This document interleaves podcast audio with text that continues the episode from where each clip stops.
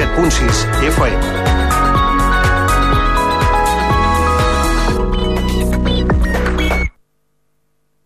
Dins l'estadi, amb Eduard Pino.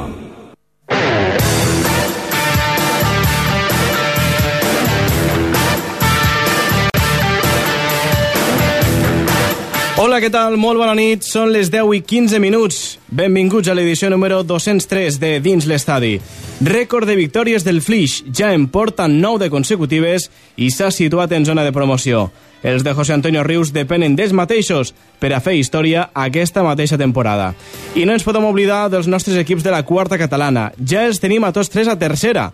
La setmana passada assolia l'ascens el Vilalba i aquesta setmana ha estat el torn de l'Escove i de l'Olímpic de Mora d'Ebre. Enhorabona a tots tres, que també seran un dels protagonistes d'aquesta mateixa nit a dins l'estadi. Però una de les coses més comentades al futbol de casa nostra aquesta jornada va ser la decisió del Santa Bàrbara d'abandonar el terreny de joc abans que el Batell encés el penal que podia donar-li la victòria al temps de descompte. Després us ho explicarem amb tota mena de pèls i senyals i amb les paraules textuals de l'àrbitre a l'acte del partit. Així que, de tot això i més, aquesta nit a dins l'estadi. Genís Pena, què tal? Bona nit. De què més parlarem avui? Doncs bé, la tercera divisió, l'Escó suma una nova victòria, 1 a 0 contra el Gavà, que l'apropa al campionat de Lliga. A la segona catalana, victòria del Gandesa per 2 a 1 contra el Camarles, un dels cues de la taula. A la tercera catalana, empat entre Corbera i Batea, i victòria del Flix, que aconsegueix el seu novè consecutiu i entra en promoció. El Mora de Nova retroben la victòria, el Ginesta s'agafa la Lliga, el Pinell salva un punt in extremis i l'Horta es complica la vida. I a quarta catalana, jornada somiada. Ascens de Vilalba, ja vam dir la setmana passada, Escove i Olímpic s'afegeixen a aquesta jornada. A més, no us perdeu el, lo de sempre, els futbolistes abrencs al món, la firma i el poliesportiu de la jornada, tot aquest contingut ampliat a continuació aquí, a dins estadi. Bé, doncs, tots aquests continguts a partir d'ara mateix i fins a dos quarts de dotze de la nit, aquí, a dins l'estadi.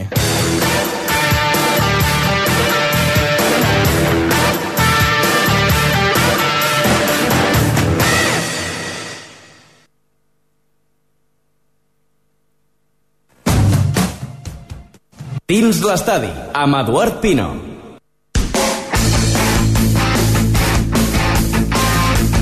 Bé, doncs són ara mateix les 10 i 17 minuts, estan escoltant Ràdio Mora d'Ebre, la cadena SER, això és Dins l'Estadi, programa número 203, ja en portem uns quants. Genís Pena, què tal? Bona nit. Bona nit, aquí estem, Edu. Bé, els que no estaven presencialment aquí la setmana passada, avui són, i els que no, doncs no, eh? Sí, ha hagut canvi, ha hagut Avui canvi fet- per, a, per anar variant, per no deixar-te sol. Sí, hem fet allí canvi de, de jugadors, aquí al món Bueno, n'hi ha del... un que no ve mai, realment. Aquí al món del que- periodisme esportiu sempre passa d'això també. Sí, n'hi ha un que està de vacances. Bé, doncs, eh, que hi tornem a ser altre cop per a repassar la jornada futbolística d'aquest cap de setmana. Recordin que poden escoltar-nos a través de Ràdio Mora d'Ebre com ho estem fent ara mateix, a través del 87.6 de la FM, si no, també poden fer-ho per internet, www.radiomoradebre.cat i si no, a través de la vostra emissora municipal, com Ràdio Mora Nova, Ràdio Gandesa, Tivissa Ràdio i Ràdio Falset, que també emeten el nostre programa. Així que tenim molta cosa, molta xixa, com es diu, en l'argot periodístic per aquesta, per aquesta nit, per aquest eh, programa de nits d'estadi. Hem de parlar de l'Escó, que està en un moment espectacular. No només el primer equip, sinó el futbol d'Escó està vivint un moment molt dolç. El primer equip liderant la tercera divisió a falta de dues jornades per acabar la Lliga. S'ha classificat, atenció, per a disputar la propera edició de la Copa del Rei, que això ja també acostuma ja a ser afegir més coses a la història de la que està fent l'Escó, però a més a més el seu filial aquest mateix dijous, a l'empatar sense gols al camp del Jesús i Maria B, va assolir l'ascens matemàtic a la tercera catalana, juntament amb Vilalba, que ho va fer la setmana passada, i l'Olímpic de Mora d'Ebre, que ahir dissabte al guanyar Tivenys per golejada, també és nou equip de la tercera catalana un any després del seu descens. Però moltes més coses. Què va passar a Batea? Què va passar Genís a Batea el diumenge, ai, perdó, el, Vaya di- el, el divendres, el divendres al matí. No? El partit crec que era a tres quarts de dotze del migdia. Mhm. Què va passar? Després us ho expliquem, però déu nhi eh, una cosa d'aquestes estranyes, eh, que no solen passar. Surrealistes, sí, sí. Després us expliquem. I moltes més coses, que la tercera catalana, el Flix, ja el tenim allí. Nou victòries consecutives, ja entra en zona de promoció i li comença a fer sombra al Godall, que continua liderant la classificació. De tot això i més, en parlarem aquesta nit aquí a dins estadi. I, per tant, hem de començar ràpidament parlant de la tercera divisió, però abans també volem que vosaltres participeu i, per tant, arriba el moment de fer la pregunta. La pregunta de la jornada aquí a dins l'estadi. Quina és aquesta setmana, Genís? Cadena Ser. Ràdio Mora d'Ebre. Dins l'estadi. La pregunta de la jornada a dins l'estadi. Què preguntem avui als nostres oients? Doncs bé, eh, Vilalba, Olímpic i Escobé són equips de tercera, així que us preguntem quina creieu que ha sigut la, la clau de l'èxit. Mm, la clau de l'èxit d'aquests tres equips, eh? que han aconseguit la- l'ascens. Recordin, la setmana passada ja ho va fer el Vilalba i aquest eh, cap de setmana doncs, ha estat primer del Tor de l'Escove, que ho va aconseguir el dijous a la nit, i eh, l'Olímpic de Mora d'Ebre ahir dissabte. Per cert, tots tres eh, seran protagonistes en la recta final del nostre programa d'avui perquè parlarem amb els tres entrenadors, eh? amb l'entrenador del Vilalba, Robert Avinyó, també amb l'entrenador del Escobé, Rubén Viudez, i amb l'entrenador olímpic de Mora d'Ebre, Paco Muñoz. Tots tres seran presents en la recta final del dins estadi d'aquesta nit, a l'apartat de quarta catalana. Dit això, podeu dir la vostra, eh, com també les vostres felicitacions. També podeu felicitar els tres equips per l'ascens assolit recentment. Nosaltres ara sí, són les 10 i 20 minuts, anem cap a la tercera divisió. Dins l'estadi. Tercera divisió. Tercera divisió. Bé, doncs en aquesta tercera divisió hem de repassar ràpidament els resultats d'aquesta jornada. Resultats i classificació. Comencem, tercera divisió, grup 5è, jornada número 36. Sabadell 2, Masnou 1. Vilafranca 1, Castelldefels 2. Palamós 1, Figueres 1. Prat 1, Terrassa 0. Pobla de Mafumet 3, Vilassar de Mar 0. Rubí 0, Martinenc 0. Europa 3, Manlleu 0. Peralada 1, Sant Feliuenc 2. Montanyesa 2, Cerdanyola del Vallès 3. I Escó 1, Gavà 0. Bé, doncs amb aquesta victòria de l'Escó, juntament també amb la de la Pobla de Mafumet a casa contra el Vilassar de Mar, deixen les coses tal com estaven. L'Escó líder, 69 punts, i segon classificat, Pobla de Mafumet, amb 68 punts. Tots dos ja s'han assegurat aquesta segona posició, falta recordin de dos jornades per acabar la Lliga, per tant, 6 punts en joc, l'Escó en té un de marge, referent, en referència a la Pobla de Fumet. Per tant, tindrem un frec a frec final entre aquests dos equips que s'espera emocionant eh? en aquestes dues últimes jornades de la tercera divisió. Però bé, a part de la primera i la segona plaça, entre l'Escó i la Palma Fumet, recordin que hi ha la tercera i la quarta plaça que també donen accés a disputar el playoff d'ascens a segona B. En aquest cas, tercera posició de moment per a l'Europa, amb 62 punts, que ho té tot de cara també per assegurar-se la tercera posició. De, de fet, ja s'ha assegurat el playoff, després de que ara mateix ja té 7 punts d'avantatge respecte al cinquè classificat.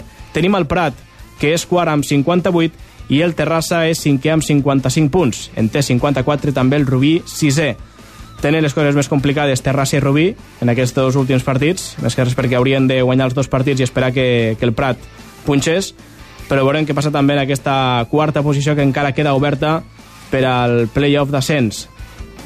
I pel que fa a la part baixa, doncs tenim en zona de descens directe el Castelldefels amb 37 punts, Martinenc també 37 punts i Vilassar de Mar és el cue de la Lliga amb 25 punts. Per cert, proper rival de l'Escó, Cerdanyola del Vallès. És nové, mitja taula, no s'hi juga res, 49 punts, serà el proper rival de l'Escó en el que serà la jornada número 37 de Lliga. Així que mm -hmm. veurem si l'Escó és capaç d'aconseguir un resultat positiu al camp del, del Cerdanyola del Vallès. Però el que sí que va aconseguir l'Escó va ser precisament ahir dissabte, que va jugar ahir dissabte una victòria important contra el Gavà, per la mínima, 1 a 0. Futbol Club Escó. Bé, doncs, com dèiem, l'Escó segueix somiant. Un gol del crack d'Izaguirre manté a l'Escó líder una setmana més. Els de Miguel Rubio superen els 68 punts assolits de la temporada passada, a més a més asseguren el segon lloc i es classifiquen d'aquesta manera per a la propera edició de la Copa del Rei, com comentàvem abans. L'Escó va començar a dominar el primer temps en busca de la porteria contrària, però tots dos equips van tenir oportunitats per a fer el primer gol. En línies generals, la primera meitat va ser molt igualada i quan semblava que s'arribaria al descans amb 0-0 al marcador, Eizaguirre va aparèixer a la frontal de l'àrea, superava tres defensors que l'envoltaven i clavava una vaselina estratosfèrica brillant que es convertia en un dels millors gols de la jornada. Goles espectacular del basc Eizaguirre que feia l'1-0. El segon temps, doncs, l'Escó va ser més pràctic i es va dedicar a defensar el gol que havia aconseguit Eizaguirre al tram final del primer temps. El Gavà va avançar línies en busca de l'empat i el conjunt esconenc va tirar d'ofici per a mantenir fins al final la porteria a zero. El Gavà va buscar l'empat fins a l'últim instant, però va ser incapaç d'arribar amb claredat a l'àrea rival. Amb aquesta victòria, com dèiem, l'Escó segueix líder de la tercera divisió. La propera jornada, el conjunt de Miguel Rubio es desplaça al camp del Cerdanyola del Vallès, en el que serà, com dèiem abans, la penúltima jornada de Lliga. Una victòria podria situar l'Escó molt a prop del campionat de la tercera divisió, que recordin, acaba la Lliga a casa. És una, és una notícia important, és una dada important amb aquest frec a frec que mantindrà Genís finalment amb la Pola de Fumet, eh? Sí, tots dos equips jo crec que, que es mereixen estar on estan, han fet una temporada molt superior a la resta d'altres equips i, i bueno, serà bonic no? perquè, perquè tots dos equips han, han arribat aquí, s'ho mereixen i, i són, són dos bons equips que aspiren totalment a, a l'ascens una vegada hagi quedat un primer i l'altre segon. No? Mm -hmm. Efectivament. Deixem doncs la tercera divisió, anem ràpidament cap a la primera catalana. Dins l'estadi. Primera catalana. Primera catalana. Bé, abans d'anar a la segona i repassar el resultat del Gandesa, que ahir també va guanyar contra el Camarles, doncs fem una aturada a la primera catalana. Una primera catalana on de moment tenim, bé, per aquesta jornada, un resultat positiu i l'altre negatiu. El, comencem pel negatiu, en aquest cas l'Amposta, que va caure golejat a casa per un gol a 6 contra el Morell. Ha estat aquesta mateixa tarda. Un gol a 6 contra el Morell. Tot i això, és sorprenent, l'Amposta ha començat guanyant el partit. Als 4 minuts de partit Jonathan feia el, el 1 a 0 per a l'Amposta, però després, un minut després, precisament el Morell empatava, remuntava al minut 9, al 17 ficava l'1 a 3 al marcador, amb el que s'anava al descans, i ja la represa doncs, ben aviat també als 4 minuts de la segona part, el Morell feia l'1 a 4, al 59 l'1 a 5, i ja en la recta final al 75 el Morell firmava el definitiu 1 a 6, una amposta on precisament ha jugat avui tot el partit Joan Barrufet, que ha estat titular. També ha estat titular Marc Bernet, però aquest ha estat substituït al minut 63 de, de partit. Cal destacar també que l'Amposta des del minut 47 ha jugat amb 10 homes per l'expulsió de David Callarissa. També, òbviament, s'ha notat eh, en la segona meitat i l'Amposta no ha pogut fer res, absolutament res, per a plantar cara al Morell. I de cara a l'altre partit, la Rapitenca va jugar el divendres, al migdia, 1 a 0, va guanyar per la mínima davant del Tàrrega, gràcies al gol d'Albert Villarroya als 6 minuts de la segona meitat. Per tant, victòria important de, de la Rapitenca. Dit això, fer aquest repàs ràpidament pel, pel grup segon de la primera catalana, on tenim els dos representants ebrencs, l'Amposta i la Rapitenca. Nosaltres seguim avançant i anem ja cap a la segona catalana. Dins l'estadi. Segona catalana. Segona catalana. Resultats i classificació. Bé, doncs anem ja cap a la segona catalana, grup 6è, jornada número 30. Vilaseca 3, Alcanar 0. La Cava 1, Jesús Catalònia 0. Roda de Barà 4, Tancat 1. Gandesa 2, Camarles 1. Campclar 0, Ampolla 2. Valls 1, Canonja 3. Sant Pere i Sant Pau 1, Cambrils 2. Tortosa 1, Jesús i Maria 2. I Remolins Vitem 5, del Tebre 0. El Vilaseca, líder campió, 76 punts. Segon classificat, Jesús i Maria, 66 punts encara està oberta aquesta segona plaça. Tenim el Remolins Vitem, que és tercer amb 62, que el persegueix de ben a prop, i ja més distanciat, Canonja quart classificat amb 55, el Gandesa cinquè amb 53 punts, la Cava en té 52, i després ja vindria el Roda de Barà amb 47 punts. Pel que fa a la part baixa de la classificació, la part més calenta d'aquesta lliga, tenim el Cambrils amb 32 punts, el Camarles amb 30, 24 punts per al del Tebre, 22 per al Tancat, 18 per al Sant Pere i Sant Pau i 15 per al Camp Clar, que tanca la classificació del grup 6è de la segona catalana. Bé, doncs ara sí, el Genís ràpidament ens explica com va anar aquesta victòria al Gandesa per dos gols a un contra el Camarles. Club de futbol Gandesa. Doncs Gandesa 2, Camarles 1. Victòria s'oferta del Gandesa que no esperava que se li compliqués un partit que tindria dominat des d'un principi. Els homes de Rafael Navarro començaven el partit molt enxufats davant un Camarles que no trepitjava l'àrea de Rojas en tota la primera part. En una de les primeres arribades dels locals, l'àrbitre xiulava penal per unes mans i Gumi s'encarregava de fer el primer. A partir d'aquí semblava que la sentència havia d'arribar abans del descans, però la pilota no volia entrar. Ocasions claríssimes de Dilla, Pol i Guiu, molt actius tots tres, però no hi havia manera. A la segona part el guió continuava igual i al minut 60 el Gandesa en tornava a tenir una de clara. Però per donar tantes ocasions li passaria factura als de la Terra Alta que veien com al 72 el Camarles feia l'empat. I els locals però es volcaven ràpidament a l'atac per a tornar a posar-se per davant de la mà altre cop de Gumi. Eh, Gandesa aconseguia els 3 punts després que el jugador local culminés des de la frontal de l'àrea. Finalment 2 a 1 i la setmana que ve visita còmoda del Gandesa al camp del Tancat. Bé, al camp del Tancat, eh, en, aquests, eh, en la intenció d'aconseguir 3 punts importants també per a l'equip en aquesta recta final, que es nota moltíssim, no? ja quan, quan ja no t'hi jugues res, eh, la intensitat sí, dels jugadors ja no és la mateixa. El Gandesa avui s'ha vist molt, ahir, ahir es va veure molt superior al, el Camarles no, i és això, ja no, ja no, potser no vas amb la mateixa intensitat a l'hora de, de finalitzar les jugades, simplement te veus que estàs per damunt de, de l'altre equip i, i potser no, no ho mates com, com ho haguessis matat a, si, si per exemple et juguessis un, un ascens o si te depenguessin molt aquests tres punts. No? Jo crec que el Gandés ha fet una brillant temporada, però bueno, eh, ara està en aquesta zona que normalment acostuma a acabar les temporades. Si, si fem un repàs a les últimes, sempre està aquesta pomada, no? una mica de, de la classificació, però eh, amb poques opcions per aconseguir l'ascens. Bueno, en aquest cas, cap. Bé, doncs són ara mateix dos quarts d'onze de la nit. Estan escoltant dins l'estadi. Estàvem molt pendents també de la tercera catalana, que després de la publicitat anirem ja per ella per a repassar tota aquesta jornada, però l'últim partit que ens quedava per tancar eh, era l'Alcanar Perelló, un partit que s'ha jugat a les 8, eh? un partit que s'ha disputat a les 8 del vespre, Alcanar Perelló, i que ja ha acabat, eh? 2 a 0, ha guanyat l'Alcanar B davant del, davant del Perelló. Després en parlarem com queda també aquesta classificació en aquesta recta final del campionat, que també queda molt, molt emocionant per dalt, però també per baix. Així que, abans de la publicitat, no sé si tenim algun comentari que, Sí. que ens arriba. En tenim un del Marc Gisbert, tenim molts m'agrades a la publicació, però pocs comentaris, un que diu, el Marc Gisbert que diu l'Olímpic té una plantilla per esta tercera i el Vilalba posa la guerra a la tercera catalana. Benvinguts de nou. Uh -huh. Molt bé, gràcies al Marc Gisbert també pel seu comentari. Recordin que poden dir la seva en la pregunta que estem formulant avui al nostre programa. Quina creieu que ha sigut la clau de l'èxit dels ascensos del Vilalba Olímpic i Escove? Les 10 i 31 minuts, anem a la publicitat. Tornem de seguida, no marxin. Estan escoltant dins l'estadi. Ràdio Mora d'Ebre, 87.6 FM.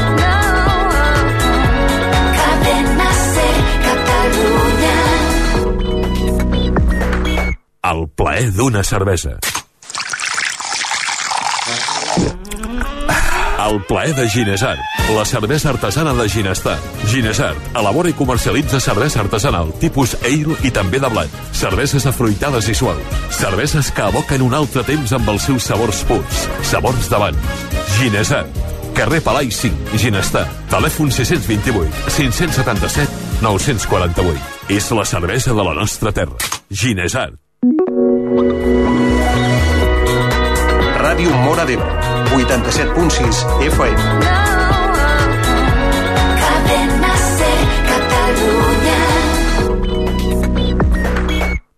La seguretat i garantia d'instal·ladors professionals. Això és el que li oferim a Climartí. Aire condicionat amb bomba de calor, domèstic i industrial. També fem venda i reparacions de maquinària i hostaleria professional. Frigorífics, càmeres, cafeteres. Fins i tot maquinària i complements per les indústries càrniques i alimentàries en general. Climartí. Més informació al 629 42 72 07 o bé pel mail a info arroba climartí.com. Ràdio Mora d'Ebre, 87.6 FM. Cadena Ser Catalunya. Dins l'estadi, amb Eduard Pino. Bé, doncs, i després de la publicitat ja hi tornem a ser altre cop aquí a dins l'estadi, avui edició número 203. Recordin que estem fent una pregunta als nostres oients, una pregunta que queda oberta fins al final del programa. Genís, recordem la pregunta d'aquesta jornada a dins l'estadi. Quina creieu que ha sigut la clau de l'èxit? Eh, parlem dels ascensos del Vilalba Olímpic i Escove. Bé, doncs de moment ja tenim inclús algun comentari, eh? crec que era del Marc Gisbert, que ja comentava, el repassàvem precisament abans de la publicitat, però podeu seguir comentant, podeu seguir dient la vostra, fins al final del programa ho anirem repassant, també si en comptes de voler dir les claus voleu dir i voleu felicitar els equips per l'ascens, doncs també, tot compta, tot compta per a col·laborar i també per a dir la vostra al programa d'aquesta nit de Dins Estadi. Ja hem repassat la tercera divisió, la primera i la segona catalana, i ara, després de la publicitat, el que hem de fer és ja tot el gruix de la tercera i quarta, que a més a més avui ve carregada de moltes i moltes coses. Així que, si us sembla, anem per feina. Són ara mateix les 10 i 33 minuts. Estan escoltant dins l'estadi. Anem ja a descobrir què ha passat aquesta tercera catalana en aquesta jornada. Dins l'estadi. Tercera catalana. Tercera catalana. Resultats i classificació.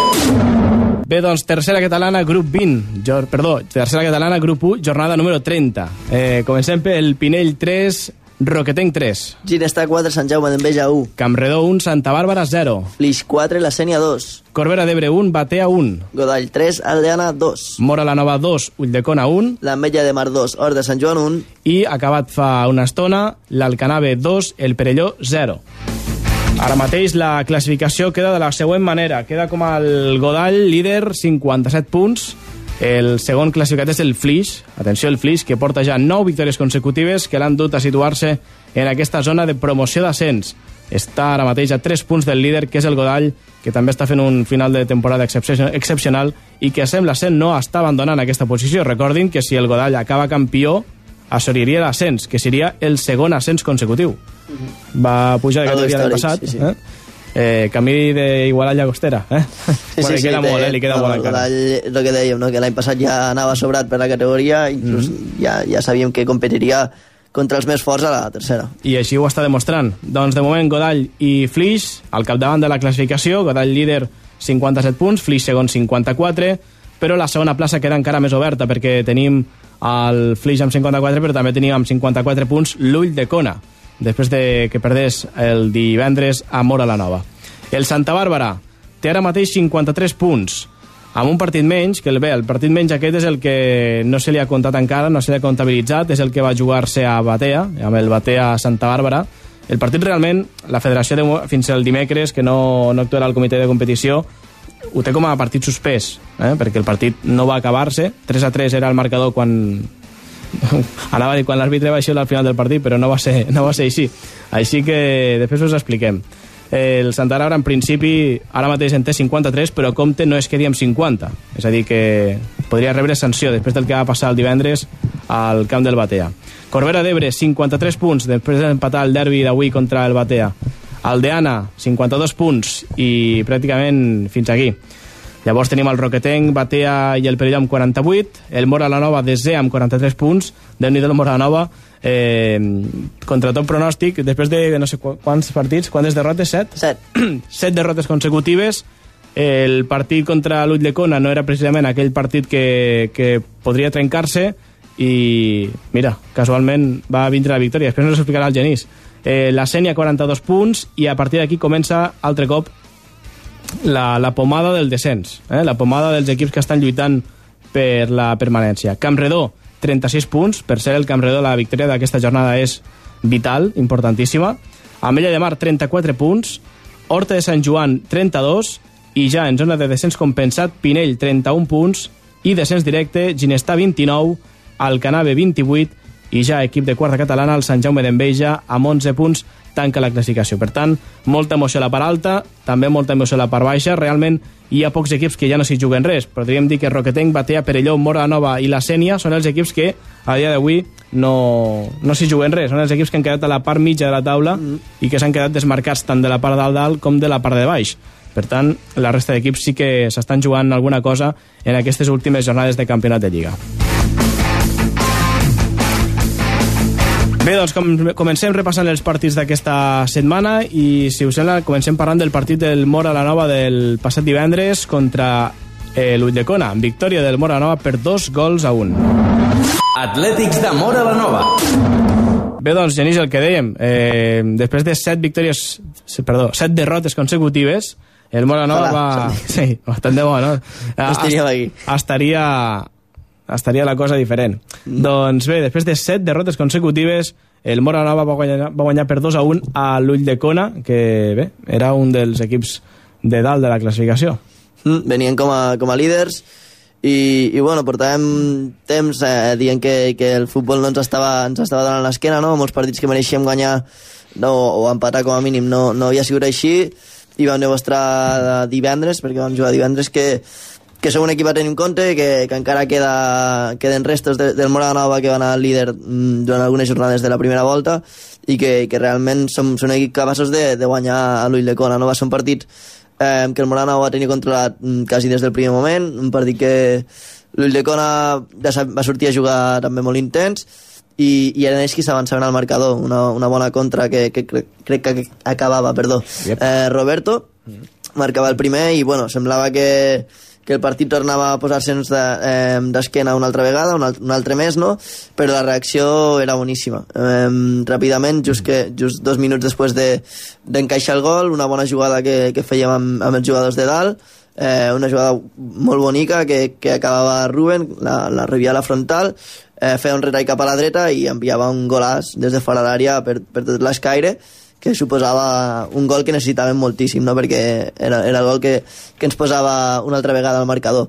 Amb l'1 a 1 seguíem estant molt còmodes nosaltres, el Llull de Conan ens creava molt perill, i una altra obra d'art de, de Ruben que, que s'enregateja a, un, a una croqueta bestial i després en, engaltava una altra vegada un altre xut que, que, que el porter no podia fer-hi res no? Dos, dos bons gols de Ruben que necessitaven també els seus gols no, no estava passant per una bona ratxa golejadora i, i bueno, contentíssims de, de que ell retrobés amb el gol i, i bueno, al final serien els dos gols que ens daven la victòria. A la segona part nosaltres estàvem molt bé defensivament, encara en vam tindre alguna, alguna més per a, per a poder ampliar la distància i en canvi Lluís Lecona no va arribar en perill en, en tot moment a, a la nostra porteria eh, molt contents per això, per la victòria tot i que sí que semblava que el Moranova estava salvat des de feia moltes jornades quan portes set jornades consecutives perdent, no? pues, totes les sensacions són, són dolentes, et penses que al final inclús acabaràs patint, que no, no arriben les victòries, mm. i aquesta victòria ja et deixa amb 43 punts, no? en zona de ningú, eh, pots afrontar tots els partits amb una tranquil·litat bestial, no? I, i bueno, ara acaba de disfrutar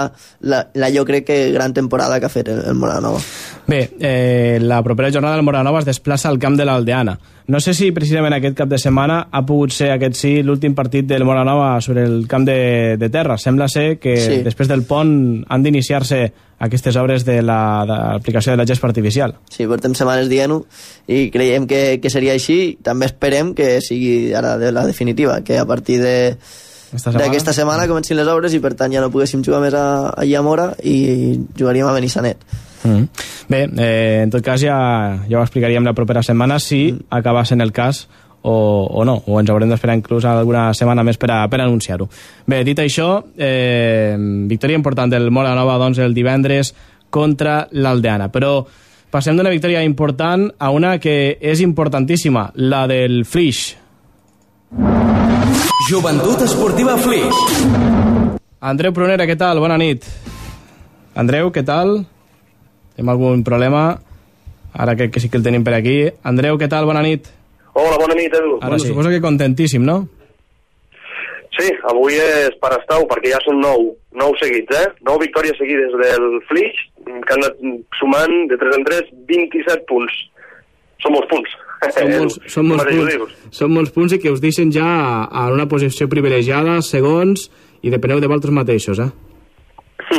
Depenem de nosaltres mateixos perquè, com tu dius, el Godall és primer amb 57 punts i el Flix és segon amb 54, empatat també amb l'Ullecona, que és tercer.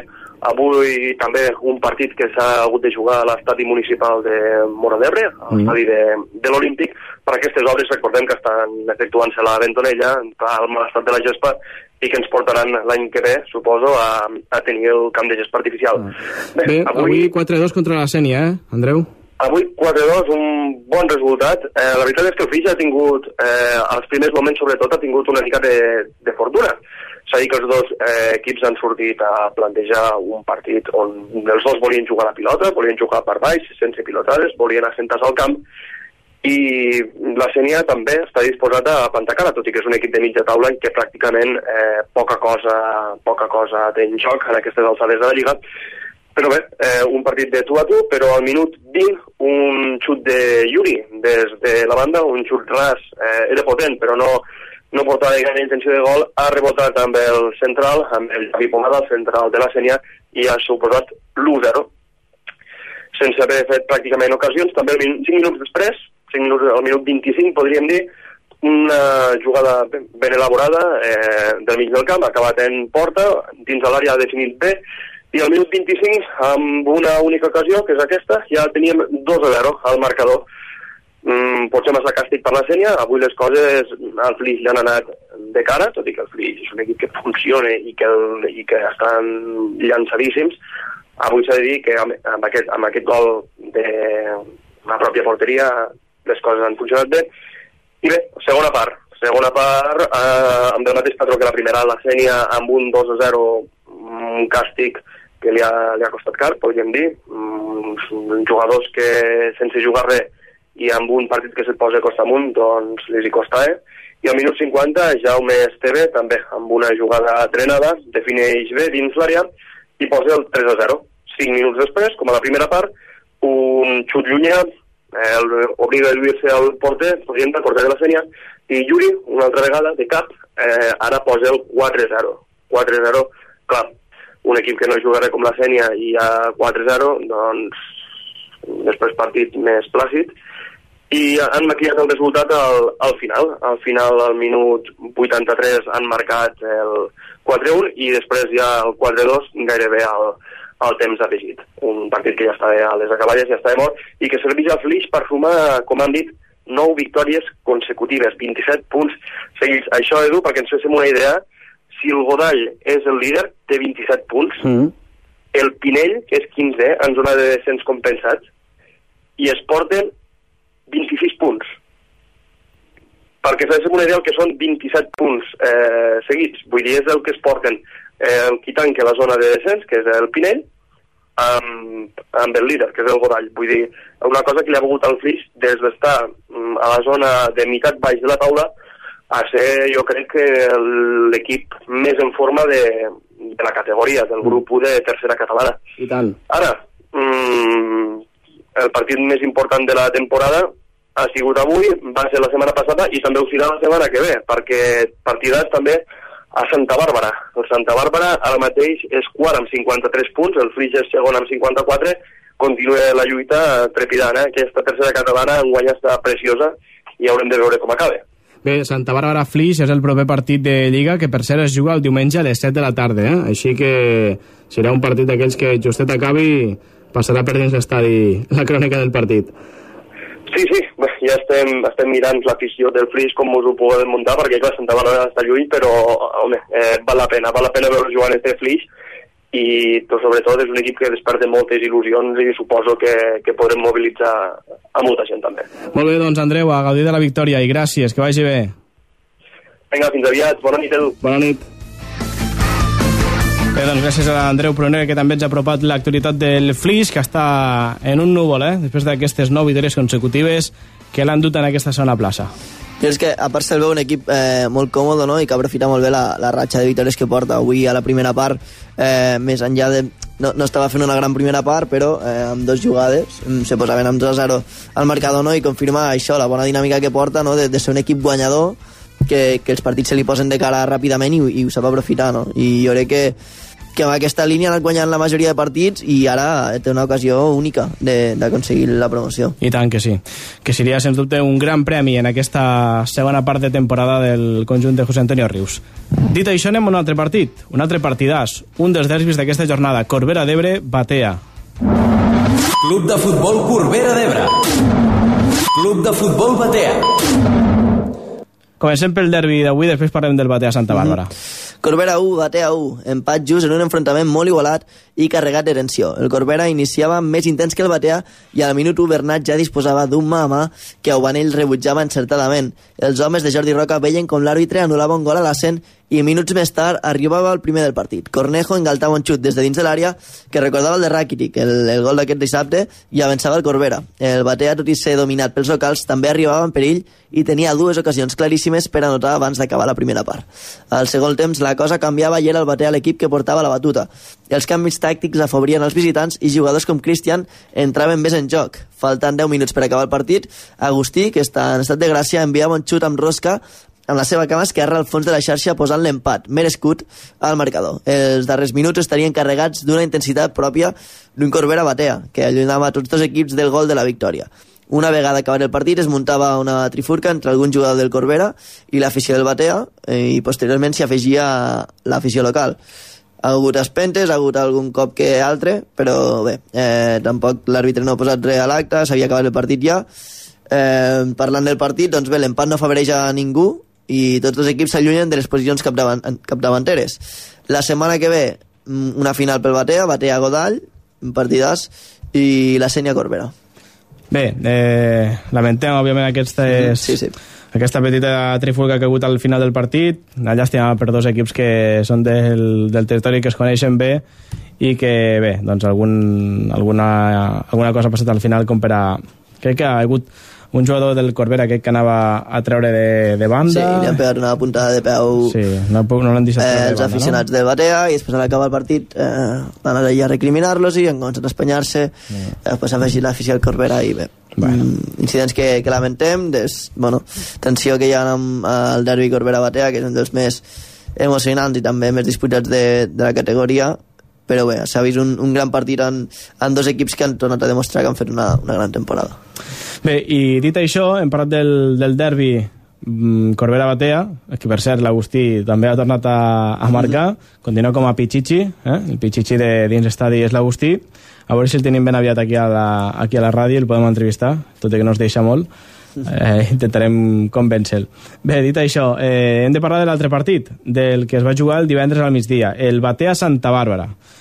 Bé, eh, aquest partit era corresponent a la jornada número 23, eh? partit ajornat de la jornada 23, s'havia de disputar el divendres a 1 de maig, i bé, la, la veritat és que anava tot, tot normal, de fet als 3 minuts de partit Miquel Adrià feia el, el 1-0 per al Batea, inclús a la represa, eh, als 6 minuts de la segona part, al descans el Batea guanyava 1-0, als 6 minuts de la represa l'Agustí feia el, el 2-0, per tant les coses es posaven molt de cara per al Batea, però a partir d'aquell moment el Santa Bàrbara va reaccionar al 52, és a dir, un minut després del gol de l'Agustí, del 2-0, el gol de Miguel Ángel Vera posava el 2-1, retallava distàncies, i al 69 de la Torre posava el gol de l'empat de 2-2, i ja al 80 el mateix de la Torre de penal eh, feia el 2 a 3 per, a, per al Santa Bàrbara, que remuntava el partit. Però al 84, és a dir, 4 minuts després, penal altre cop, en aquest cas però a favor del Batea, i l'Agustí que no perdonava des dels 11 metres. Era el 3 a 3. I aquí arribava doncs, eh, la disputa. Minut 92, l'àrbitre afegia 6 de descompte. Minut 92, l'àrbitre xiula penal a favor del, del Batea. Penal, de, segons comenten, clamorós, que no era. El, des de Santa Bàrbara ens comenten que no, que, no era, que no era penal. I la veritat és que la reacció dels jugadors del Santa Bàrbara és que no, no l'entenem, eh? En aquest sentit sí que no, no l'entenem. Bé, el que fan els jugadors del Santa Bàrbara és abandonar el terreny de joc, se'n van. Després de veure... Bé, se senten estafats per l'arbitratge, eh, per, aquest, per aquest gol, ai, perdó, per aquest penal que els hi xiulen al minut 92, que podria suposar una remuntada del, del Corbera, però també hagués pogut suposar Batea. Qui, que, que, que, hagués atut, que hagués pogut aturar el porter la, la pena màxima, no sé. Haguessin pogut passar moltes coses.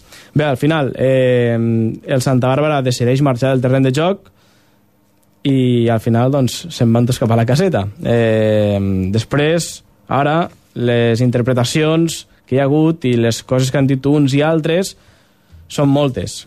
Sembla ser que després mm, inclús s'ha arribat a dir que no tots els jugadors van deixar el terreny de que van joc, intentar tornar a, reiniciar, a reiniciar el partit però al final el que compta és el que posa l'àrbitre a l'acte. Eh? Per molt que ara diguin uns que no volien o que es van equivocar, etc etc, al final el que compta és el que va posar l'àrbitre. I nosaltres tenim les paraules textuals, tenim l'acte del partit a les nostres mans i ara us llegiré a continuació el que ha posat l'àrbitre en referència a aquesta incidència. Eh? Eh, llegeixo. L'àrbitre, per cert, és Ivan Martínez Serrano. Va posar un cop després del partit. El partit ha estat suspès quan passaven dos minuts del temps reglamentari. Al pitar un penal en contra del Santa Bàrbara, tot seguit de pitar el penal, els jugadors del Santa Bàrbara han abandonat el terreny de joc i entrant als vestuaris dient-me de tot. Entre cometes, ets un inútil, no te n'enteres de res, subnormal, etc etc tanco cometes. I aplaudint de manera xulesca la decisió que havia pres, sense arribar a tirar-se el penal que havia pitat. Una vegada estaven tots els jugadors dins del vestuari i jo, han vingut els jugadors del Santa Bàrbara que volien tornar a jugar al partit. Per tant, una vegada eh, com és aquesta infracció del, del Santa Bàrbara, eh, aquesta estupidesa, perquè no, no deixa de ser una, una estupidesa, eh, suposo que després han, han recapacitat han volgut fer marxa enrere, però després ja era massa, massa tard. No es va, clar, no es va reemprendre. és l'àrbitre qui, qui a part de que se'n van ells després clar no vol renovar, renovar el partit no? llavors eh, bueno, Santa Bàrbara evidentment com l'error de, de marxar i clar, després una vegada ja, ja has marxat, sí, potser sí que l'àrbit, això no ho sé, si l'àrbit després, una vegada han marxat l'equip hagués pogut tornar a Bueno, que iniciar el una partit. vegada, és que una vegada marxes... o Però, sigui, però realment- clar, el lògic és que, és que ja a partir d'allí se suspengui, no? perquè és una, és una acció que no és reglamentària i, i llavors és, és, és totalment comprensible que l'àrbitre després no vulgui reiniciar el partit. És estrany, eh? Per jugadors com De La Torre, Nico, Gilabert, que són jugadors Que molt clar que, experimentats... que està clar que, que el penalti pot ser escandalós i que l'àrbit ha dit fer el partit pitjor de la seva vida, està clar, no? Però que, però que és el que dèiem, que el, el, Santa Bàrbara el problema és que ara li poden caure 3 punts més a part de perdre el partit, Mm. Suposant que l'hagués perdut, perquè és el que dèiem, no? Eh, si, si arriba a fallar el penal del Batea, doncs se quedava aquest 3 a 3. Bé, i de totes maneres faltaven 4 minuts més de, de partit, aquell temps reglamentari que li faltaven 4 minuts perquè s'hagués de complir. Eh, L'Agustí podia fallar el penal, o no, o fer el seu hat-trick. També és veritat. També hagués pogut acabar guanyant el, el Batea, però bé, no deixa de ser molt curiós que un equip com el Santa Bàrbara, que a més a més està jugant el fet d'entrar en, en promoció, en zona d'ascens, eh, això serà al final un 3-0, molt probablement, ho acabarà de decidir el comitè de competició aquest dimecres a la reunió que té cada setmana per a decidir les sancions, etc etc. Molt probablement eh, serà un 3-0 a favor del Batea i, a més a més, 3 punts de sanció per al Santa Bàrbara que podria quedar-se amb 50 punts. És a dir que, bé, eh, i, i d'aquesta manera descartar-lo ja totalment Sí, sí. Per, a, per, a, per a lluitar per les promocions de- d'ascens o inclús la primera plaça, no? que encara tenia opcions de, de disputar. Bé, eh, una decisió estranya del Santa Bàrbara que de moment sembla ser que l'ha abocat al, al renunciar a tot en aquestes últimes jornades de Lliga, no? I curiós aquesta... No, no, crec que no ho havíem comentat mai, no? No, a mi no em sona... Aquí a dins l'estadi no ho havíem no comentat mai. I, i bueno, Podem entendre el Santa Bàrbara en aquell està punt clar, no? Que, que, que a part, si que- no s'hi jugués tant, suposa que, Clar, clar. que la reacció no hauria sigut igual, que, que també el Batea, que és un rival directe, no? etc vas guanyant, jo què sé. Mm, jo, jo, jo potser sí que futbolísticament m'he arribat a indignar igual que ells, no? Suposa Mm. que, que des d'aquest punt de vista és comprensible. Ara, l'últim que pots fer és això, perquè has de pensar en, en una conseqüència major a la- a l'acte que estàs fent ara mateix, no? Perquè, bueno, eh, no és que perdis el partit, és que estem parlant de que si realment vols intentar promocionar, si et treuen tres punts estàs fora. Mm, T'exposes a aquesta sanció. Sí, sí. Veurem si al final la federació li, li, li aplica aquesta sanció de 3 punts menys o, o no, i què passa? Dubto molt que, que s'hagin de jugar aquests 4 partits, aquests 4 punts, perdó, aquests 4 minuts que, que falten i que l'Agustí hagi de llançar aquest penal. Ja, no, seria graciós ja. Però bueno, jo crec que la federació simplement confiarà en el que diu l'àrbitre i Segons el no que sé si hi haurà reclamacions del Santa Bàrbara, però clar, el Santa Bàrbara també es retracta molt després intentant tornar a voler jugar al partit, fer veure que... Saps? Vull dir... Sí, però una vegada abandones, Clar, evidentment, no al sé. final ja, ja no s'hi val després, no? Com... No crec que la federació se pugui prendre en sèrio una reclamació del Santa Bàrbara després de fer el que, que hagi No. fet, no? Llavors, trobo que lo lògic serà això. Bé, doncs ho parlarem. De fet, el proper cap de setmana ja ho sabrem. Uh, aquesta setmana, a finals de setmana, se sabrà quina és la decisió del comitè de competició envers aquesta, aquesta incidència. Així que sabrem si al final se li resten aquests punts, si se li dona el partit per guanyat al Batea. Eh, En principi hauria de ser així, eh? Batea victòria per 3-0 i 3 punts de sanció per al Santa Bàrbara. Veurem si el comitè de competició ho aplica o no i el proper diumenge en parlarem i us explicarem aquí a dins estadi perquè la Lliga pot variar una mica, eh? Santa Bàrbara podria quedar-se amb 50 punts i com dèiem abans, no? dir pràcticament adeu a les opcions de, de promocionar o d'ascendir de categoria. Bé, doncs hem parlat també del, del derbi que ho comentàvem abans, eh? el Corbera-Batea, també hem parlat del Batea, aquest partit ajornat del divendres, hem de parlar ara del, del Ginestar, un Ginestar que ha aconseguit una victòria que li dona eh, una mica d'oxigen per en aquesta recta final de Lliga que es promet també emocions fortes a la tercera catalana. Club Esportiu Ginestar.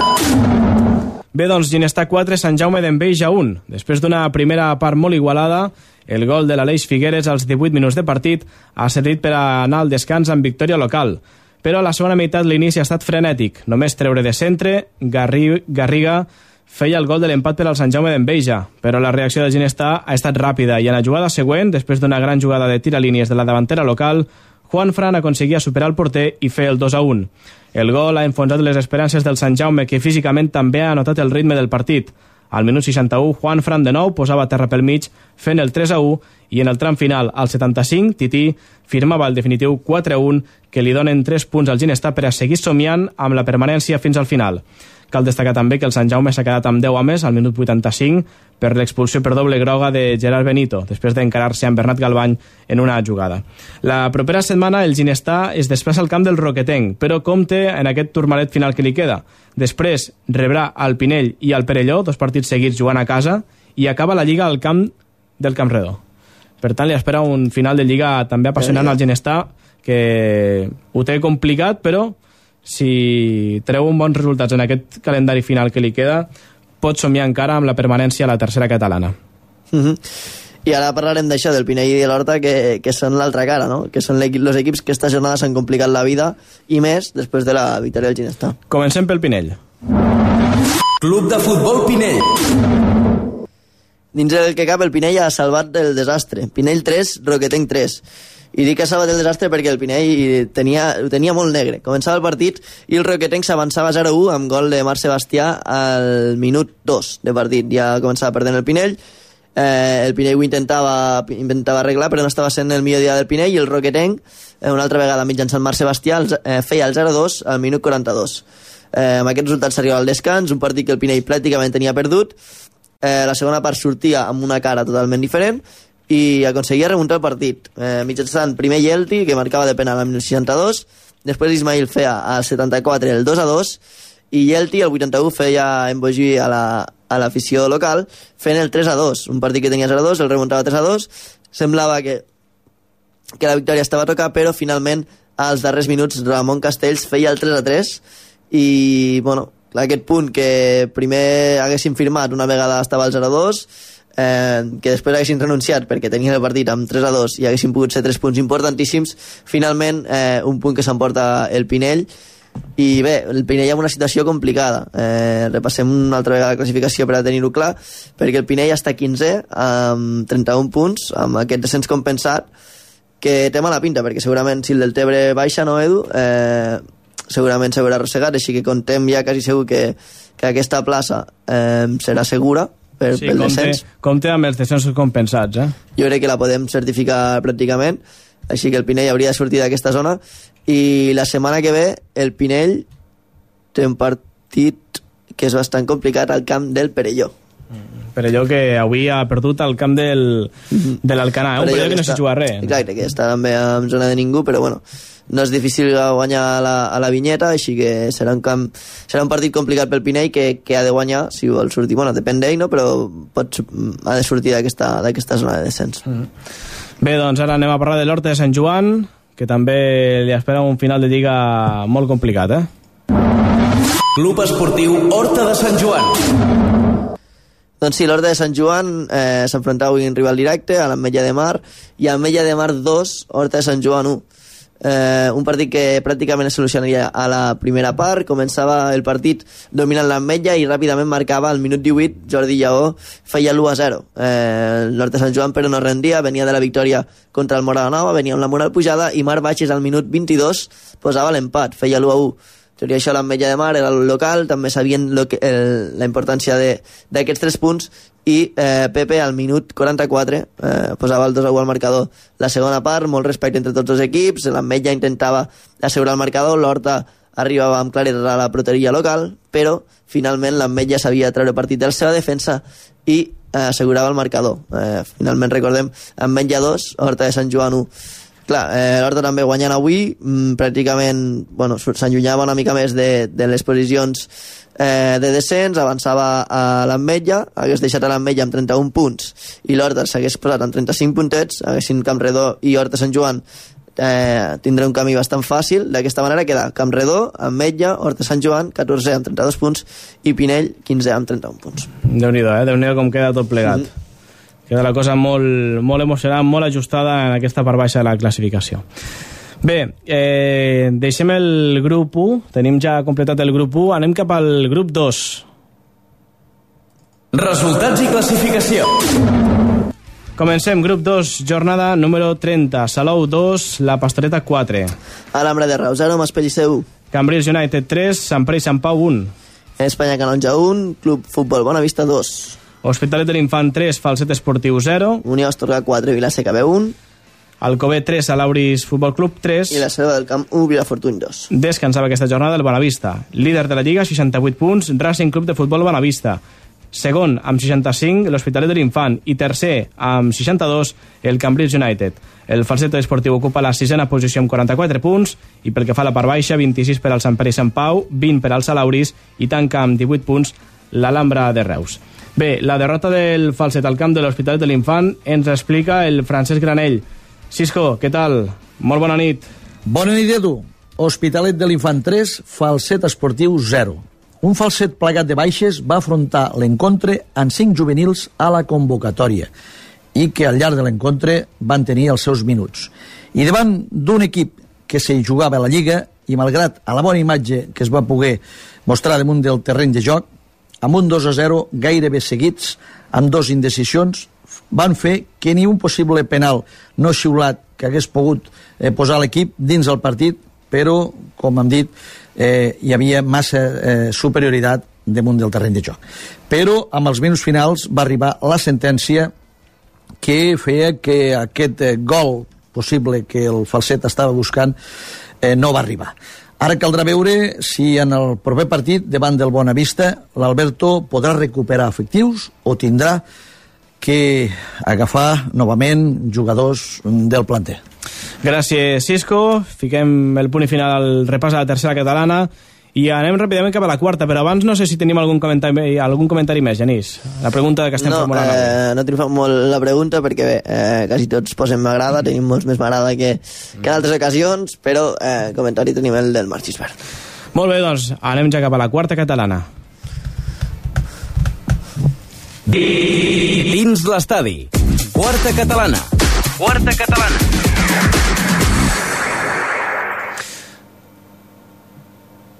Resultats i classificació. Bé, doncs anem a la quarta catalana ja, grup 20, jornada número 28. Remolins Vitem, un Xerta 1. Tivenys, 1, Olímpic de Moradebre, 6. Aldeana B, 2, Ebrescola 2. Camarles B, 1, Benissanet, 2. Bot 2, Escove 4. La Galera, 0, Vilalba, 2. Jesús Catalònia B, 3, Arnes 2. I Roquerenc B, 2, Jesús i Maria B, 4. Classificació, Vilalba, Escove i Olímpic de Moradebre són els tres primers classificants, classificats, ja tenen l'ascens matemàtic a la tercera catalana. Ara falta veure qui és el campió de la Lliga amb aquests sis punts que queden per a disputar-se. El Jesús i Maria B i el Catalònia B s'han quedat a les portes, sobretot el Jesús i Maria B amb 53 punts, i pel que fa a la part de baix, doncs cal destacar el Benissanet, que almenys acaba aquesta temporada amb una bona dònisis de moral. La veritat és que estan quedant amb bons resultats el conjunt de Benissanet, tot i això però és tercer per la cua amb 25 punts. Tenim, per exemple, l'Arnes, setè amb 42 punts, i el Bot 13 classificat amb 29. Bé, doncs, precisament eh, hem de començar parlant del Vilalba, un Vilalba que ja la setmana passada van celebrar l'ascens de categoria, un Vilalba que avui, a més a més, aquest cap de setmana ha tornat a guanyar. Futbol Club Vilalba.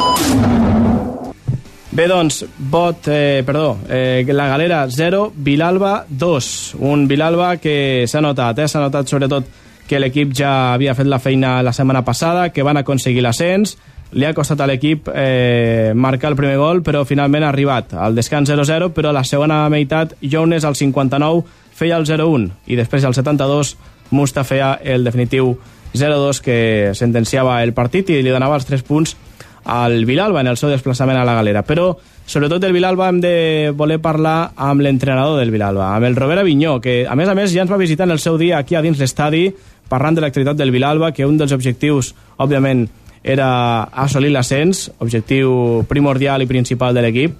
Així que el saludem perquè el tenim via telefònica.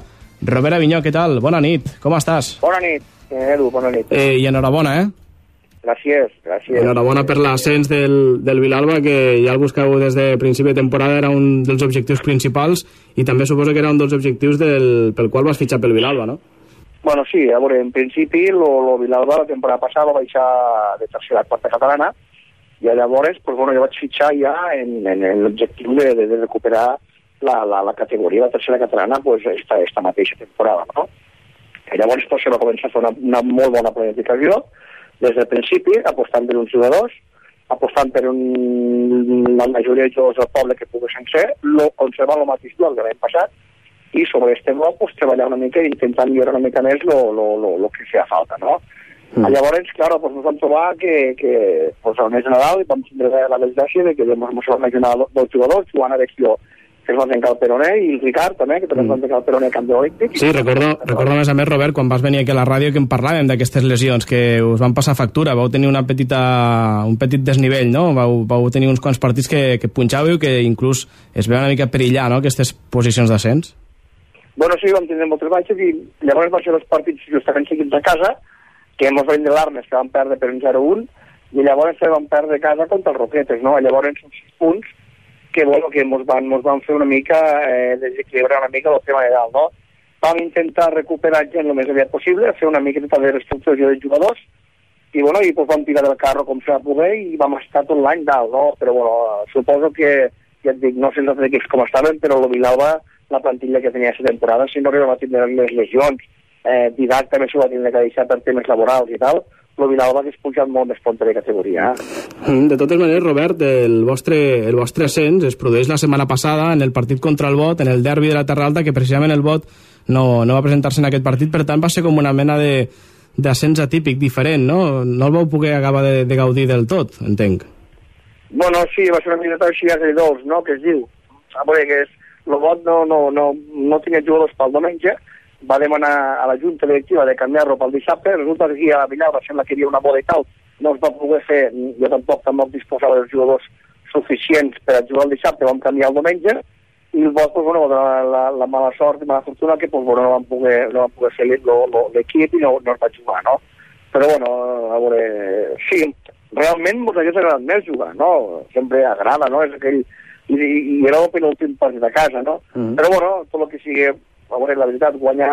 Jo, quan fas un... Quan estàs jugant a futbol, el que vols és guanyar, no? Vull dir, són tres punts, tres punts. Que realment mos hagués, mos hagués agradat guanyar-los jugant, pues sí.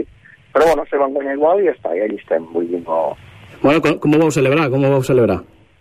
Bueno, de moment encara no hem celebrat. No? No hem celebrat encara, de moment. Jo, de moment, esta setmana ja us, us vaig prometre la temporada, eh, una rostida, Mm. Jo, com a home de paraula que tinc, que sempre intento eh, mantenir-la, los traslladarem jo, Robert, los pagarà una rostina a tota la plantilla i la junta directiva, i, bueno, i esperem poder, eh, poder guanyar la setmana que ve a casa contra la Catalonia i a Camp del Roquetenc i poder, poder celebrar ser campions de Lliga. Però, bueno, queden dos partits, no es pot dir mal el que pot passar, perquè igual confies en guanyar els stars o empates, i tot això no, però anirem pas a pas i intentarem guanyar els dos partits i ja que hem pujat de categoria, pues, bueno, que menos finiquitar-ho no, en, un, en, un, en un campionat de, de, de Lliga bonic eh, per a l'afició de Villalba, per a la Junta Directiva, que realment s'ha esforçat tot l'any i des d'aquí eh, també vull donar-los el seu agraïment per haver comptat en mi, eh, per haver sofrit en mi també el tema de les lesions, baixes, el sacrifici que han fet, vale? començant des del president i acabant fins l'últim membre de la Junta, vale?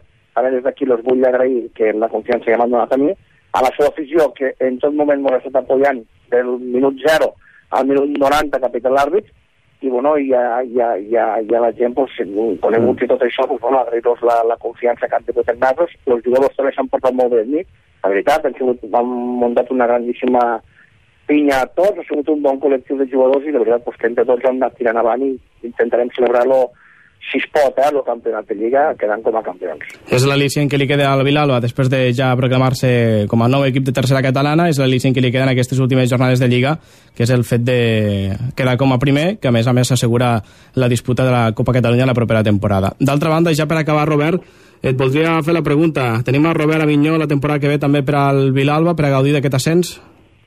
Bueno, a veure, la veritat que jo en la Junta Directiva encara no he parlat de res, de moment s'ha anat poquet a poquet, no? Acabem la temporada, vale? intentem guanyar els dos partits de la campionat de Lliga, poder jugar a la Copa Catalunya, que és molt bonic, vale? eh, ja et dic, a nivell de club i a nivell meu personal també pues, és molt gratificant ostres, poder quedar campió de Lliga i poder ascendir un equip, vale?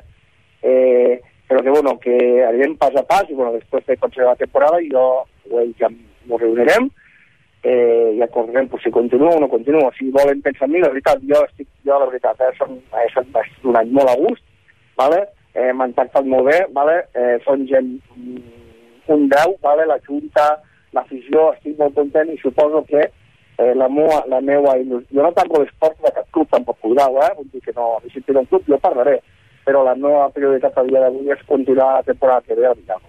Que mm. molt a gust i, i ser quan estic a un puesto gust, doncs no m'agrada canviar, saps? Ara, que la junta directiva no compta amb mi, doncs bueno, llavors pues, no passa res, moltes gràcies, ja, pues, ja me buscaré la vida o buscaré altres alternatives o altres clubs que vulguem, que vulguem contactar. Però de moment ja et dic, no he res parlat amb ningú, no he parlat amb ningú, cap ni res, de moment el que tinc ara ja és de poder guanyar els dos partits que ens queden, ara ja preparem el partit del Catalunya, Sí. i quan s'acaba la temporada, pues ja Ja parlarem. Mm. Bé, doncs esperem que tinguem a Robert Avinyó per a molta estona a Vilalba. I des de l'equip dins l'estadi, eh, ja ho sabeu, enhorabona i recordeu, eh, teniu encara pendent un, per, un pernil que ens vau prometre al nostre equip, així que ja sabeu. Bueno, això el jugador, el jugador que te va prometre para també. Sí, sí, sí.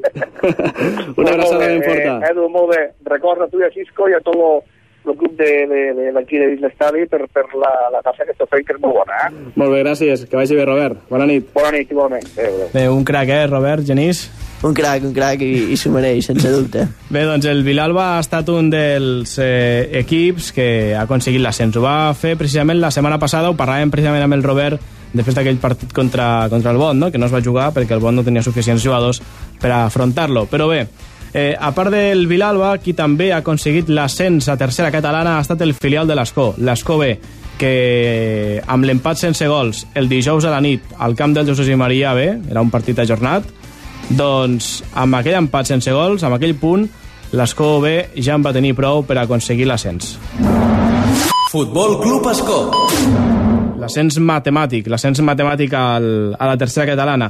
Uh, a part, l'Escó avui també ha guanyat 2 a 4 al camp del Bot. Eh, L'Escó no ha tingut problemes. La veritat és que s'ha posat amb un 0-2 al marcador gràcies als gols de l'Oriol Viarnés al 23 i de Marc Torres al minut 44. A la represa s'ha posat amb dos gols més amb un clar 0-4 amb els gols de nou d'Oriol Viarnés al 56 i d'Adrià Figueredo al 62 i després s'ha relaxat una mica i han arribat els dos gols del Bot, obra d'Oriol Fidel al 64 i de Robert Martorell al 75, que han retallat distàncies i han acabat de maquillar aquest encontre. Però al final, victòria per a l'Escó, 2 a 4, que intentarà, òbviament, eh, donar-li guerra al Vilalba en aquestes últimes dues jornades, a veure qui s'endú al final el títol com a campió.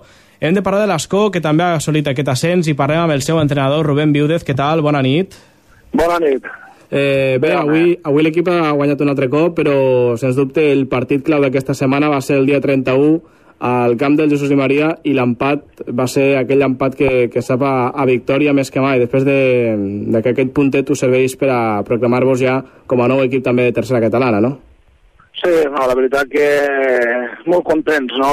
Després de, de la manera que van al partit allà baix, pues, sumar un punt, eh, la veritat que, bueno, és, és el típic, no? Sembla que facis, facis lo, lo, lo punt justet que necessites i molt content, ja te dic. L'equip, pues, imagina't, eh, treballant tot l'any per, per assolir la cita i, bueno, pues ara disfrutar-ho i, acabar els partits que falten de temporada el més bé possible. Mm. Ho vau celebrar el mateix dia o no, la- l'ascens? No, no, no, perquè vam començar tard el partit i vam arribar a casa tard i, bueno, eh, vam deixar pel, pel dissabte següent que jugava el primer equip, ho vam fer llavors. O sigui, ho vau celebrar, ho vau celebrar ahir dissabte, eh? Sí, sí.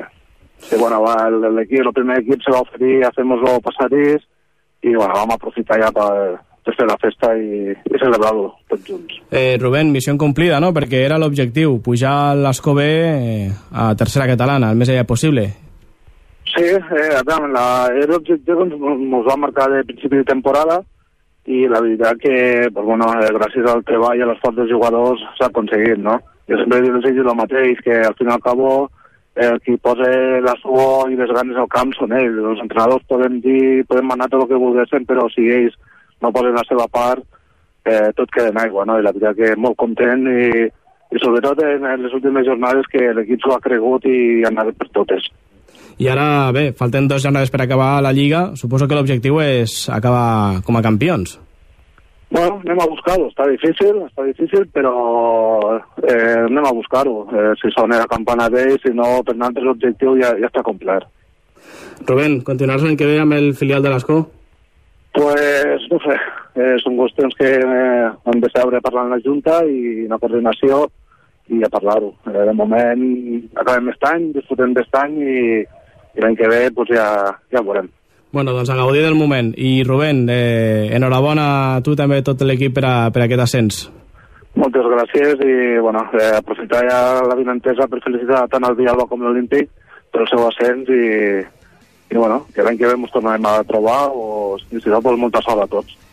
Tots us tornareu a trobar la temporada que ve a, en aquest cas per la tercera catalana. Rubén, gràcies, bona nit i enhorabona. Bueno, moltes gràcies a vosaltres. Bé, l'Escove és l'altre, eh? eh? Genís, que també estarà present en aquesta tercera catalana la propera temporada. Ho ha aconseguit aquest any. Sí, com dèiem, bueno, portava, portava temps intentant-ho, crec que enguany ha fet la plantilla definitiva per a, per a aconseguir l'ascens i, i crec que serà un dels equips que, que l'any que, que es reforçarà bé per a, per a mantenir la categoria, costi el que costi a tercera, perquè, perquè crec que és un filial amb potencial per a, per a aconseguir-ho. Mm. I l'altre equip que precisament ha estat el darrer en aconseguir l'ascens és l'Olímpic de Mora d'Ebre, que després de la golejada ahir 1 a 6 a Tivenys ja és nou equip de tercera. Club Esportiu Olímpic de Mora d'Ebre. Bé, doncs, com dèiem, l'Olímpic va guanyar 1 a 6 amb un partit tot i el marcador avoltat. Eh, després en parlarem amb el Paco Muñoz, però mm, no li va ser gens fàcil, sobretot a l'inici de l'Olímpic de Mora d'Ebre, ara, que quan va aconseguir el segon gol ja la cosa va ser més, més, costa, més costa avall, no? Bé, eh, tot i l'1 a 6, al descans el marcador era de 0 a 1. El gol de l'Ignasi Bernet als dos minuts li va servir a l'Olímpic per almenys anar al descans amb victòria al marcador. De cara a la segona meitat, gràcies al gol de Dani Calvo al 53, ja va posar les coses més fàcils per a l'Olímpic de Mora d'Ebre. Després arribaria el gol de Pau Muñoz al 68 i el de l'Ignasi Bernet al 75, que posaven el 0 a 4. Va retre distàncies el Tivenys, fent el 1 a 4, obra de Miquel Pinyol al 77, i després de nou l'Ignasi Bernet feia el, al 80 el 1 a 5 i Pau Muñoz de nou al 85 feia el definitiu 1 a 6 per a l'Olímpic de Mora d'Ebre que aconseguia amb aquesta victòria l'ascens a tercera catalana. Parlem amb Paco Muñoz, l'entrenador de l'Olímpic de Mora d'Ebre. Què tal? Bona nit. Hola, bona nit, bona nit. Per començar, enhorabona, eh? Moltíssimes gràcies. Adéu. Enhorabona perquè l'Olímpic torna ja a la tercera catalana, que era la categoria que va perdre la temporada passada, per tant, ha sigut només, com aquell que diu, no? un any al, a l'infern. Bueno, ha sigut un any més de futbol, eh? Vull dir, no, no s'ha desmereixer res, jo crec que la quarta ha sigut una bona experiència també, i bueno, al final hem aconseguit una miqueta el que es buscava. Bé, bé. Bé, el- l'ascens de l'Olímpic de Mora d'Ebre estava pendent de a veure quina setmana arribava, en quina jornada arribava. Estàvem molt pendents del que passava el dijous per la nit al Jesús i Maria B. Ascó, perquè mm, si l'Ascó guanyava, vosaltres així de cop també assolíeu l'ascens, però finalment amb l'empat no en teníeu suficient i va haver de guanyar el dissabte per a confirmar i assegurar-se l'ascens a tercera. Home, doncs sí, la veritat és que quan eh, vam veure el resultat que havia quedat empat i encara no tenim la classificació matemàtica, doncs el dissabte vam sortir una mica més motivats de normal amb les ganes d'acabar-ho d'una, no? I doncs, quan més aviat millor, no? Perquè l'objectiu principal havia estat, eh, s'havia marcat que de pujar categoria, com ja havíem parlat moltes vegades, i bueno, jo crec que el dissabte va ser el dia que vam marcar una miqueta ja el, el punt final, no? I a més a més amb golejada 1 a 6 contra el Tivenys. Sí, bueno, el Tivenys va estar força bé, el partit és un pèl enganyós perquè realment el resultat és molt avoltat, però tot i això s'ha de dir que el Tivenys va estar bastant ben situat al camp i diguéssim el partit fins que no va marcar el segon gol. I de fet va ser una mica d'intercanvi de cops perquè ells van tindre certes arribades en cert perill, van estar una mica desencertats, rematant fora o bé per, per intervenció afortunada del Marc, que va estar bé, eh, fins que vam arribar a marcar el segon i després ja a partir d'aquí doncs ja una mica vam començar a agafar una mica més de ritme, més, més, vam estar més, més intensos dins del partit, amb més eficàcia golejadora i bueno, després va vindre la golejada final. No? Eh, Paco, al, al final, amb la victòria, llàstima d'aquells partits que vau tenir una... vau entrar dins d'una mala ratxa, una mala dinàmica, i us han fet baixar fins a la, fins a la tercera posició ara mateix. Però no descarteu lluitar pel títol de Lliga en aquestes dues últimes jornades que queden? Home, evidentment, eh, la realitat és que l'objectiu principal era pujar la categoria i això és el que ja està aconseguit i podríem dir que la temporada doncs, l'objectiu esportiu ja està finalitzat. El que passa és que és cert que com que havíem començat amb una dinàmica força bona i havíem estat un període bastant llarg de temps eh, molt a dalt i amb una certa avantatge de punts importants sobre el segon i tercer, doncs sí que una miqueta l'esperança que queda al final és dir, home, a més a més que pugem la categoria, intentem guanyar la Lliga perquè, bueno, tens aquell punt d'honor d'intentar guanyar-la i, de, i de quedar el més amunt possible, no? Eh, què passa? Bueno, hi ha una sèrie de factors que influeixen en els equips de futbol i a vegades és difícil de- de- d'analitzar, però el cert és que una mica per, per l'excés de relaxament o per un petit baixón de, en la forma física o per, per motiu a vegades difícil, eh, sí van tindre una petita baixada, van fallar contra els equips en rivals directes, i bueno, vam perdre una miqueta aquest avantatge i ens hem situat en aquesta tercera posició.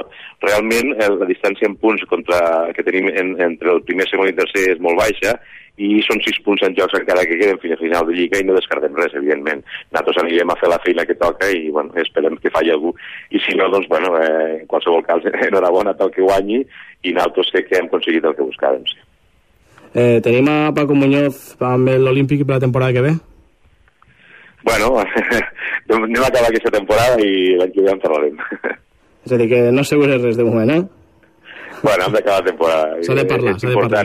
És important acabar la temporada, queden dos partits, ens queda el d'Annes, queda el Camarles, eh, han de continuar seriosos, eh, marcar una miqueta doncs, el, el ritme de seriositat i una miqueta el respecte per la categoria, que per mi, continuo repetint, no és cap, eh, no, no és cap eh, diguéssim, mala experiència de passar per la quarta catalana. Crec que als jugadors jovens els ensenya molt aquesta categoria. És una categoria què trobes una mica de tot. Realment, eh, a mi m'ha sorprès gratament. Els equips, eh, he trobat equips que jo pensava a priori amb una falta d'inexperiència per part meva també, que possiblement s'intentaria menys futbol, s'intentaria anar una miqueta més allò que es diu, no?, al joc, que hi ha la, el joc directe i tal, i bueno, crec que una mica el futbol va canviant en les, en les, en les territorials i crec que d'alguna forma la quarta catalana és una categoria que pel, pel futbol modest és, és molt important, és molt interessant i crec que és tan prestigiosa com la tercera i com pot ser la segona. Eh? El que passa és que clar, dir, cada club doncs, aconsegueix els jugadors que aconsegueix i, i, bueno, i al final se situa allà on realment li toca estar. No? Però en qualsevol dels casos és tan, tan, tan valorada, per mi ha de ser tan valorada una quarta categoria catalana com una tercera, com una segona, etc. i aquí per amunt. Eh? Vull dir, per a mi jo crec que ha sigut una experiència i estic content d'haver passat per aquesta categoria. Crec que la gent i els jugadors han passat per unes bones experiències, sí, cert. Molt bé, doncs Paco, ho deixem aquí, que repetim, enhorabona de nou, felicitat també als teus jugadors i també tota la família de l'Olímpic que l'any que ve tornen a estar a tercera, a tercera catalana. Doncs bé, molt, molt agraït, gràcies. Que vagi bé, bona nit. Bona nit, bona nit, adéu. Bé, doncs, i l'Olímpic era el tercer que també el tindrem l'any vinent a la tercera catalana, Genís. Sí, jo crec que l'Olímpic, bueno, l'any passat no tenia equip per baixa de cap manera, va decidir mantenir mantenir la plantilla, tots els jugadors se van quedar i, i estava clar que ja des de la primera jornada era per mi el favorit, per mi l'equip que crec que, que havia d'aconseguir-lo abans i tal, me va sorprendre el baixón que, que van fer fa unes jornades però bueno, al final en qüestió d'una mica més de paciència han aconseguit l'ascens i a veure, eh, sí que la lliga està difícil però, però bueno, com ha dit Paco suposa que, que no voldran renunciar al títol mm -hmm. Bé, doncs eh, seguim parlant perquè hi ha hagut més partits aquesta jornada, com per exemple la victòria del Benissanet. Club Esportiu Benissanet. Un partit que ens el torna a explicar de nou el Francesc Granell. Camarles B1, Benissanet 2. El Benissanet es veu sorprès per un gol inicial del Camarles que no va inquietar els de Pepo, ja que ben aviat l'Antoni Manyer, molt oportú, el neutralitzava, acabant-se així la primera part. A la represa, els porters van agafar el protagonisme i quan semblava que no hi haurien més gols, és el Joan Crua qui al minut 78 donava tres punts molt importants amb aquest gol tan valiós als riberencs, amb vistes de l'enfrontament del proper diumenge davant del Bot. I per acabar parlem de la derrota de l'Arnes. Arnes Club Esportiu. Doncs derrota de l'Arnes, Jesús Catalònia B3 a Arnes 2. Bé, l'Arnes, eh, amb la bona ratxa que porta aquests últims partits, doncs bé, eh, se veu trencada pel filial del Catalònia. Tot i això començava marcant l'Arnes amb un gol de, de Mustafa al minut 15, feia el 0-1, però ràpidament el partit se li posava en contra. Cristian Cira al 24 feia l'1 i Leandro Rovira feia el 2-2 al minut 34. Tot i això l'Arnes, abans del descans, aconseguia reaccionar eh, mitjançant un gol de, de Fernando, així que al descans arribava amb 2 a 2. La segona part estiria molt disputada, molt igualada, i finalment el partit se decantaria als darrers minuts, quan Aleix Alegria feia al minut 89 el 3 a 2 que certificava la derrota de l'Arnes. Molt bé, ja per acabar, recordem que no hem dit abans, la propera jornada a la quarta catalana, l'Olímpic juga a casa contra l'Aldeana el proper diumenge a les 5, també juga el proper diumenge a les 4, però el Benissanet Bot, tenim aquest derbi.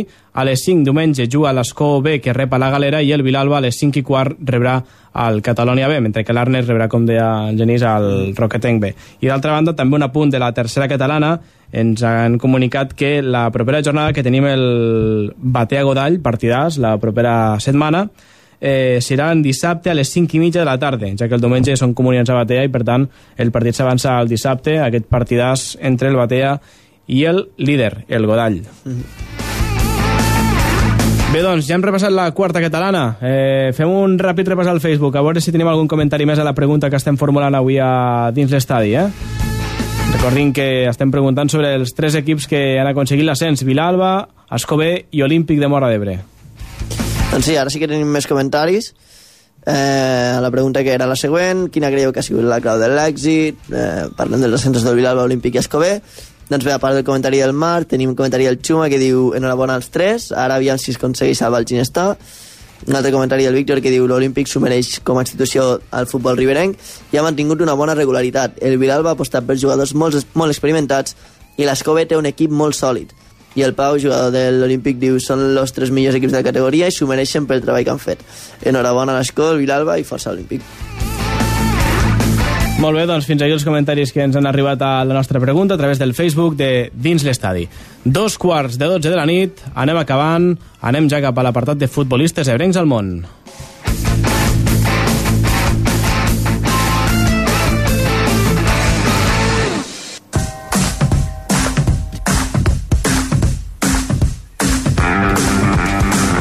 Bé, doncs la Lliga es va acabant i, òbviament, la Lliga al futbol d'elit també, i també els nostres futbolistes ebrencs al món que se'n van de vacances però encara no a la primera divisió espanyola. L'Elx ha guanyat fa escassos instants a cap del partit, Màlaga 1, Elx 2. No ha jugat Edu Albacar, però amb aquesta victòria l'Elx s'assegura la seva permanència a la primera divisió. Anem cap a Anglaterra, Swansea 2, Stoke City 0. Ha jugat tot el partit Àngel Rangel, que al minut 73 ha vist també una targeta groga. La propera setmana el Swansea acaba la Premier al camp de l'Arsenal. Anem cap a la Championship, Middlesbrough 0, Brighton 0. Va veure el partit des de la banqueta Bruno Saltó en l'últim partit de la temporada del Brighton. L'equip ha acabat en vintena posició amb 47 punts, 6 per sobre del descens. Per tant, la temporada del Brighton no ha estat gens bona a comparació de les últimes, on, recordin, va arribar a disputar els play-offs d'ascens a la primera divisió anglesa. Així que, per exemple, Bruno, a partir de ja, està de vacances. Anem cap a Alemanya, el Schalke 04-3, Stuttgart 2. Ha entrat al minut 88 Oriol Romeu per a jugar els darrers minuts d'aquest partit de la Bundesliga, que encara li queden algunes jornades. I per acabar ens anem cap a Polònia, Gornik 1, Piasgliwice 2, va jugar 74 minuts Gerard Badia, i la Lliga doncs, ja ha acabat. El Pias ha acabat 9 amb 39 punts i Gerard, que ja està a casa, gaudint de la seva filla. Així que, enhorabona també per aquesta brillant temporada del Pias, el Pias Lewiche, i veurem també tots aquests futbolistes ebrencs al món que tenim aquesta temporada, si l'any vinent repeteixen amb el mateix equip o no. Ho haurem de veure, que el mercat es preveu també molt mogut aquest estiu.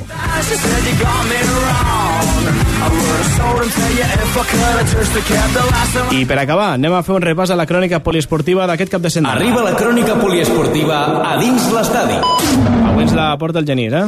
Doncs sí, comencem el poliesportiu d'avui parlant de futbol sala. Pel que fa a la primera divisió catalana, derrota del Mora d'Ebre a Vinyols per 1 a 7 i jornada negativa també pel Flix, que va caure contra l'Alforja B amb un resultat de 4 a 3. D'altra banda, victòria del Ribarroja d'Ebre contra Castellvell del Camp per 7 a 2. Baixem una categoria i anem a la segona catalana. El grup 6, gran triomf del Capçanes per 11 a 2 contra el Callà B i el grup 7, jornada negativa pel Tivissa, que va caure per 6 a 1 contra l'Ametlla de Mar. En aquest mateix grup, derrota també del Moranova, que es va veure superat pel Roquetes per 6 a 3. I encara en futbol sala, però a la primera divisió femenina, descans de l'Escó i a la segona, empat del Flix a 2 contra el Roquetes. D'altra banda, aquest dissabte 2 de maig es va realitzar el segon Raid i Carbó. En aquesta ocasió, l'entorn escollit per a la realització de la prova va ser la comarca de la Ribera d'Ebre, més concretament Escó, on va tenir lloc el punt de sortida ja arribava de la prova. Els participants... Perdó, participants van optar per les modalitats d'elit, aventura, iniciació i familiar. t'ha De passat? quatre, que m'ha marxat el cursor i s'ha baixat la pàgina. Els participants van optar per les quatre modalitats d'elit, aventura, iniciació i familiar, de 4 fins a 33 quilòmetres, depenent de la modalitat, on van gaudir de les disciplines esportives del BTT, el kayak, l'orientació i la cursa amb més de 30 equips de 2 a 4 persones. Pel que fa a guanyadors, amb la categoria d'elit es van imposar els raidaventura.org amb 8 hores i 32 minuts, seguits per la Illa de Rodes Raid Team i Aventura X Experience. En la modalitat d'aventura, els guanyadors van ser els Heavies amb 6 hores i 47 minuts, seguits per Zip Zap i Mar Maresme Extreme. En familiar, els Tetos van creuar la meta en primer lloc amb 1 hora i 17 minuts i finalment, en popular, l'equip guanyador van ser els Garrapateros. Aquesta prova va estar organitzada per l'equip de Raids Tune-Up de les Terres de l'Ebre, la SEM La Càmera Coixa, Montsant Orientació i la Copa Catalana de Raids d'Aventura amb el suport de l'Ajuntament d'Escó. Finalment, l'Associació Esportiva Massaluca de la Pobla de la població de la Pobla de Massaluca va organitzar aquest dissabte una caminada nocturna en nit de lluna plena en la quarantena de participants van gaudir d'una ru- d'una ruta de gairebé 10 quilòmetres per l'entorn natural d'aquest indret de la Terrassa. Surten els llops, eh? En lluna plena. Sí, noi, problemes.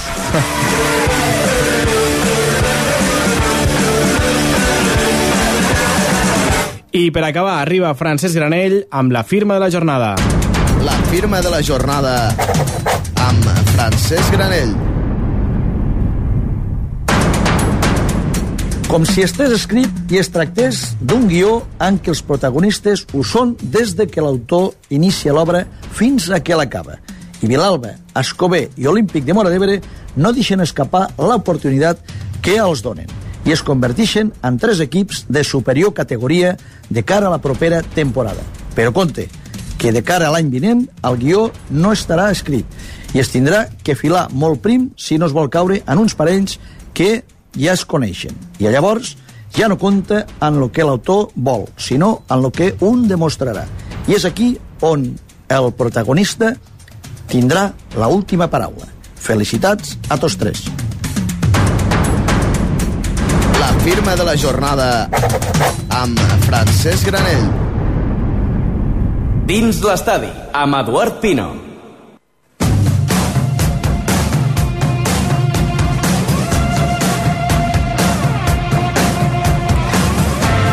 Les 11 i 35 minuts, amb la firma de la jornada de Francesc Granell, nosaltres hem de posar el punt i final al programa 203 de Dins l'Estadi. Nosaltres ho deixem aquí, Genís, fins la propera setmana. Adeu. I recordin, eh, el proper diumenge a les 10 i tornem amb tota l'actualitat futbolística al futbol de casa nostra en aquesta recta final del Campionat de Lliga que esperem compartir amb tots vosaltres. Així que gràcies una setmana més i fins lo proper diumenge. Adéu-siau.